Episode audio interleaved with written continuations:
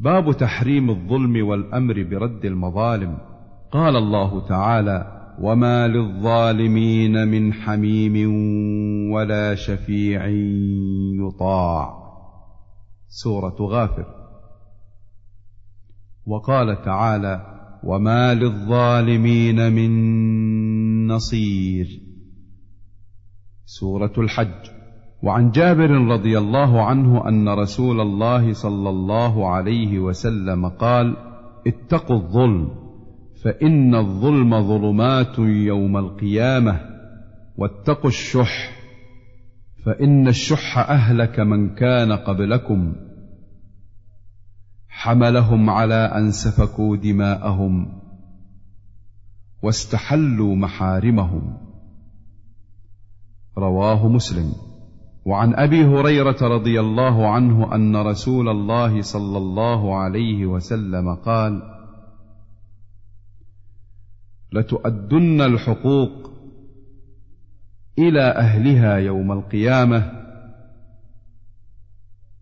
حتى يقاد للشاة الجلحاء من الشاة القرناء. رواه مسلم. وعن ابن عمر رضي الله عنهما قال كنا نتحدث عن حجة الوداع والنبي صلى الله عليه وسلم بين أظهرنا ولا ندري ما حجة الوداع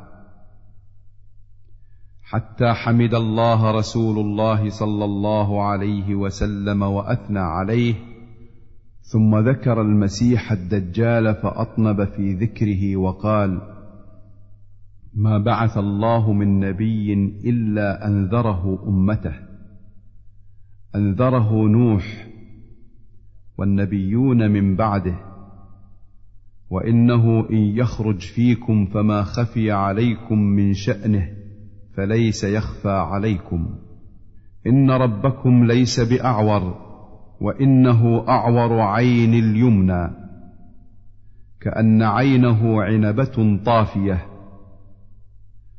ألا إن الله حرم عليكم دماءكم وأموالكم كحرمة يومكم هذا في بلدكم هذا في شهركم هذا. ألا هل بلغت؟ قالوا نعم. قال اللهم اشهد ثلاثا ويلكم أو ويحكم. انظروا لا ترجعوا بعدي كفارا يضرب بعضكم رقاب بعض. رواه البخاري. وعن عائشة رضي الله عنها أن رسول الله صلى الله عليه وسلم قال من ظلم قيد شبر من الأرض طوقه من سبع أراضين متفق عليه. وعن أبي موسى رضي الله عنه قال قال رسول الله صلى الله عليه وسلم إن الله ليملي للظالم فإذا أخذه لم يفلته. ثم قرأ وكذلك أخذ ربك إذا أخذ القرى وهي ظالمة. إن أخذه أليم شديد. سورة هود متفق عليه. وعن معاذ رضي الله عنه قال بعثني رسول الله صلى الله عليه وسلم فقال إنك تأتي قوما من أهل الكتاب. فادعهم إلى شهادة أن لا إله إلا الله وأني رسول الله.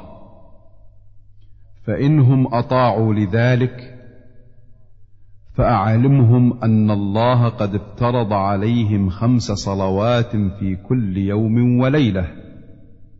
فإنهم أطاعوا لذلك فأعلمهم أن الله قد افترض عليهم صدقة تؤخذ من أغنيائهم فترد على فقرائهم. فإنهم أطاعوا لذلك فإياك وكرائم أموالهم واتق دعوة المظلوم فإنه ليس بينها وبين الله حجاب. متفق عليه. وعن أبي حميد عبد الرحمن بن سعد الساعدي رضي الله عنه قال استعمل النبي صلى الله عليه وسلم رجلا من الأزد يقال له ابن اللتبي على الصدقة فلما قدم قال هذا لكم وهذا أهدي إلي. فقام رسول الله صلى الله عليه وسلم على المنبر فحمد الله وأثنى عليه ثم قال أما بعد فإني أستعمل الرجل منكم على العمل مما ولاني الله. فيأتي فيقول هذا لكم وهذا هدية أهديت إلي. أفلا جلس في بيت أبيه أو أمه حتى تأتيه هديته إن كان صادقا. والله لا يأخذ أحد منكم شيئا بغير حقه إلا لقي الله تعالى يحمله يوم القيامة. فلا أعرفن أحدا منكم لقي الله يحمل بعيرا له رغاء أو بقرة لها خوار. أو شاة تيعر. ثم رفع يديه حتى رؤي بياض إبطيه فقال اللهم هل بلغت؟ ثلاثا متفق عليه. وعن أبي هريرة رضي الله عنه عن النبي صلى الله عليه وسلم قال من كانت عنده مظلمة لأخيه من عرضه أو من شيء فليتحلله منه اليوم قبل ألا يكون دينار ولا درهم. إن كان له عمل صالح أخذ منه بقدر مظلمته وإن لم يكن له حسنات أخذ من سيئات صاحبه فحمل عليه. رواه البخاري. وعن عبد الله بن عمرو بن العاص رضي الله عنهما عن النبي صلى الله عليه وسلم قال المسلم من سلم المسلمون من لسانه ويده والمهاجر من هجر ما نهى الله عنه. متفق عليه. وعنه رضي الله عنه قال كان على ثقل النبي صلى الله عليه وسلم رجل يقال له كركرة فمات. فقال رسول الله صلى الله عليه وسلم هو في النار.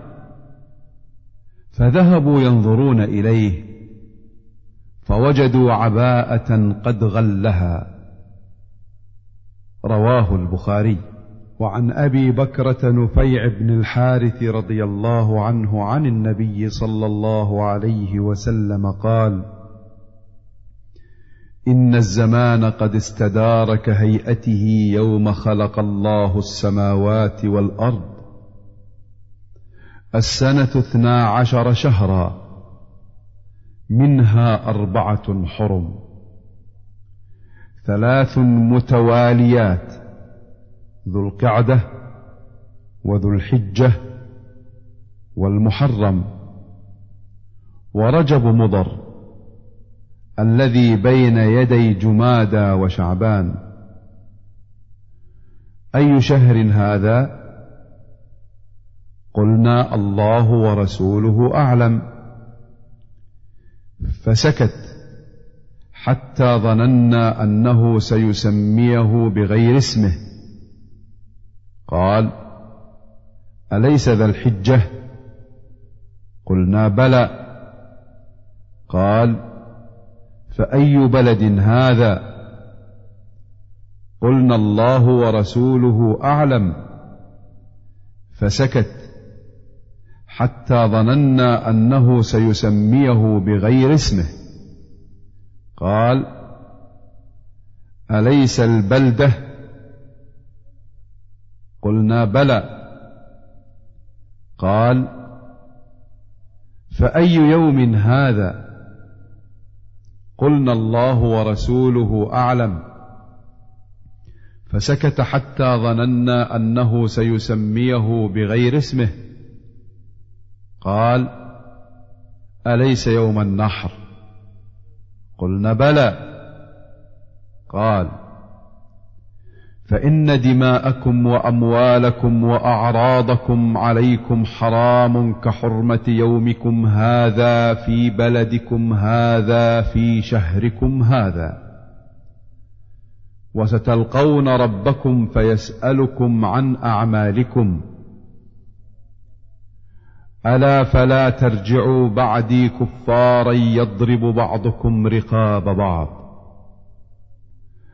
ألا ليبلغ الشاهد الغائب؟ فلعل بعض من يبلغه أن يكون أوعى له من بعض من سمعه. ثم قال ألا هل بلغت؟ ألا هل بلغت؟ قلنا نعم. قال اللهم اشهد. متفق عليه. وعن أبي أمامة أياس بن ثعلبة الحارثي رضي الله عنه أن رسول الله صلى الله عليه وسلم قال من اقتطع حق امرئ مسلم بيمينه فقد أوجب الله له النار وحرم عليه الجنة. فقال رجل وإن كان شيئا يسيرا يا رسول الله. فقال وإن قضيبا من أراك رواه مسلم. وعن عدي بن عميرة رضي الله عنه قال سمعت رسول الله صلى الله عليه وسلم يقول من استعملناه منكم على عمل فكتمنا مخيطا فما فوقه.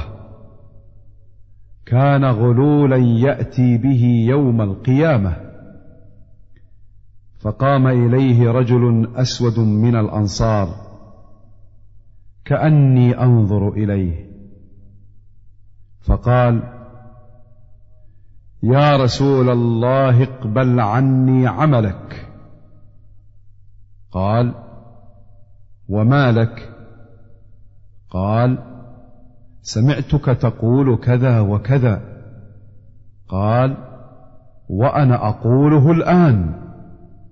من استعملناه على عمل فليجئ بقليله وكثيره.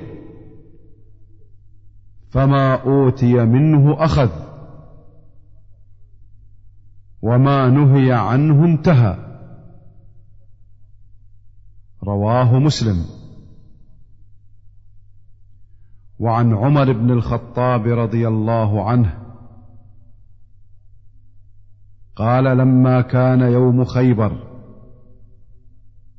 أقبل نفر من أصحاب النبي صلى الله عليه وسلم فقالوا فلان شهيد وفلان شهيد حتى مروا على رجل فقالوا فلان شهيد فقال النبي صلى الله عليه وسلم كلا إني رأيته في النار في بردة غلها أو عباءه. رواه مسلم. وعن أبي قتادة الحارث بن ربعي رضي الله عنه عن رسول الله صلى الله عليه وسلم أنه قام فيهم فذكر لهم أن الجهاد في سبيل الله والإيمان بالله أفضل الأعمال. فقام رجل فقال يا رسول الله أرأيت إن قتلت في سبيل الله تكفر عني خطاياي؟ فقال له رسول الله صلى الله عليه وسلم نعم إن قتلت في سبيل الله وأنت صابر محتسب مقبل غير مدبر. ثم قال رسول الله صلى الله عليه وسلم كيف قلت؟ قال أرأيت إن قتلت في سبيل الله أتكفر عني خطاياي؟ فقال رسول الله صلى الله عليه وسلم نعم وأنت صابر محتسب مقبل غير مدبر إلا الدين. فإن جبريل قال لي ذلك. رواه مسلم. وعن أبي هريرة رضي الله عنه أن رسول الله صلى الله عليه وسلم قال أتدرون ما المفلس؟ قالوا المفلس فينا من لا درهم له ولا متاع.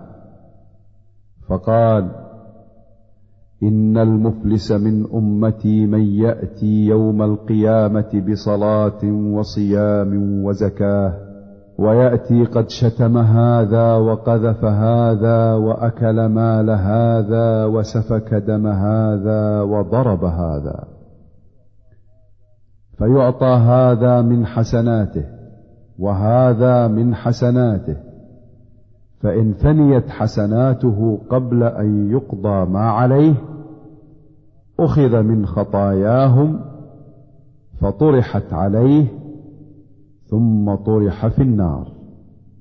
رواه مسلم.